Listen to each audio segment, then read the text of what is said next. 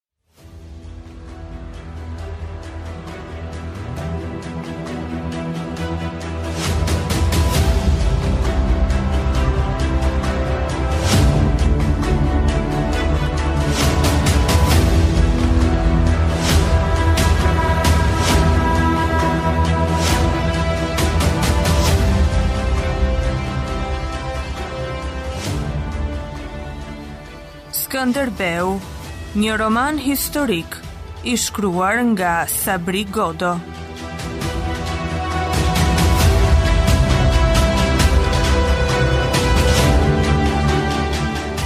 Kapitulli 16.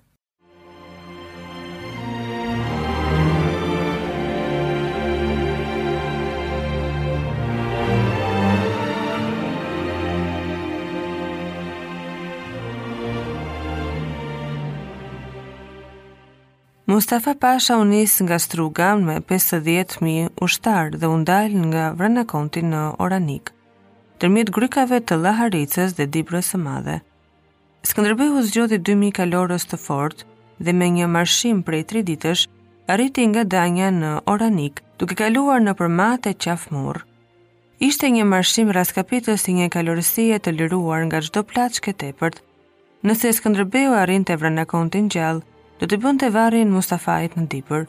Nëse jo, duhej të tërhiqej, me rrezikun që venecianët të sulmonin përsëri duke e vënë ndërmjet dy zjarreve. Ai shpejtonte si atë natë kur u arratis nga Nishi, vetë ecte në ballë dhe mbrapa në fund kishte lënë Moisiun, që nuk merrte parasysh ankimet dhe kur pengohej marshimi, mund të vriste me dorën e tij njerëz dhe kuaj. Në ngjitjet e përpjeta, kalorësit u zbritnin kuajve dhe bridhnin në këmbë. Në mbasditën e 14 gushtit, Skënderbeu e arriti Vranakontin gjallë. Ushtari i vjetër ishte fortifikuar me trungje, gurë e baltë dhe i kishte bërë ballë për 5 ditë Mustafa Pashës, i cili nuk i kursente ushtarët për ta shkulur nga llogoret. Skënderbeu e mbajti Vranën të përqafuar pa folur dhe mendonte se këtë nuk do t'ia shpërblente dot kurrë. Po binte mbrëmja. Skënderbeu do të bënte atë natë një lëvizje të gjatë rrethimi me kalorësinë dhe në agim do të godiste befasisht armikun. Ndërkohë, Pal Maneshi, i pambrojtur bënte dyluftim me një turk rrëzë kodrave të Petrilit.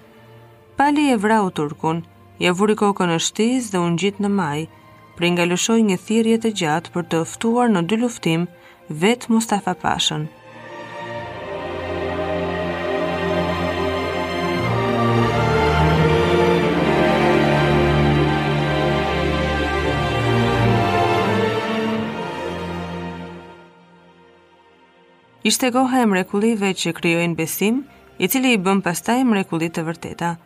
Ishin ditët e vrullit të madh kur çdo shqiptar ndihej një kreshnik. U ngrit një brohorimë për Pal Maneshin dhe për Skënderbeun dhe u çua njëherësh e gjithë ushtria.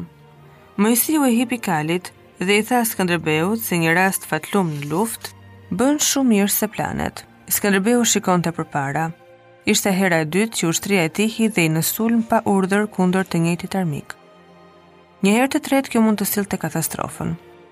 Ai hipi kalit dhe u turr me 300 kalorës të gardës drejt kodrave ku gjendej Mustafa Pasha.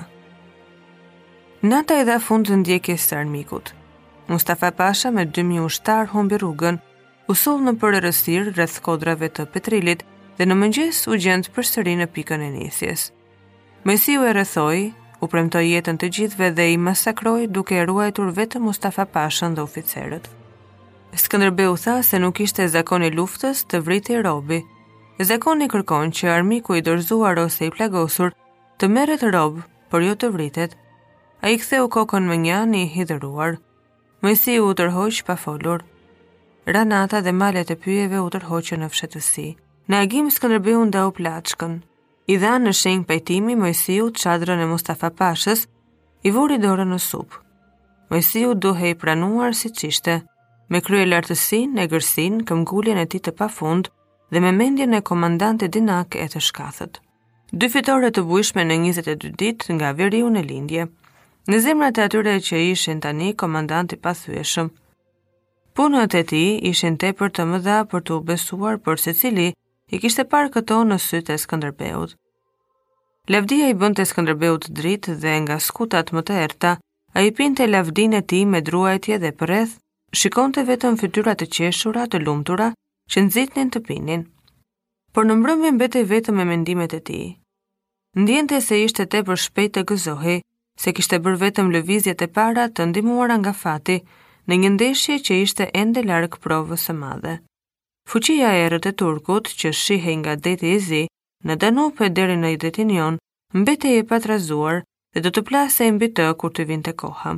Për më tepër, tani luftonte në të dyja frontet dhe kjo ishte gjendja më e pasigurt dhe më e rrezikshme.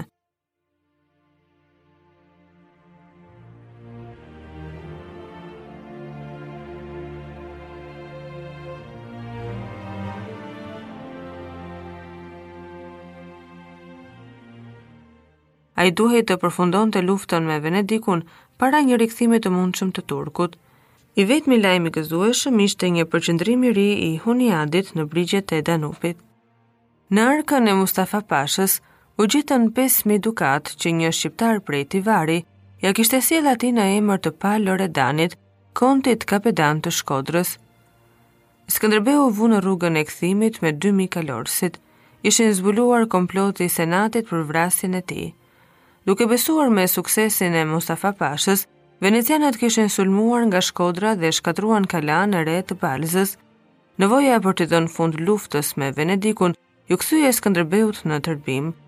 Tani do të asgjësonte pa dallim këdo që shkonte si mercenar pas të huajit. Në Dajnë la 2000 ushtarë dhe me pjesën tjetër të ushtrisë sulmoi krahinat e buzë liqenit. Ushtria u la e lirë të digjte e të bënte plaçkë deri lart në Budish. Hamzai gjendej përsëri në krahun e tij të djathtë dhe i shërbente me zell të shtuar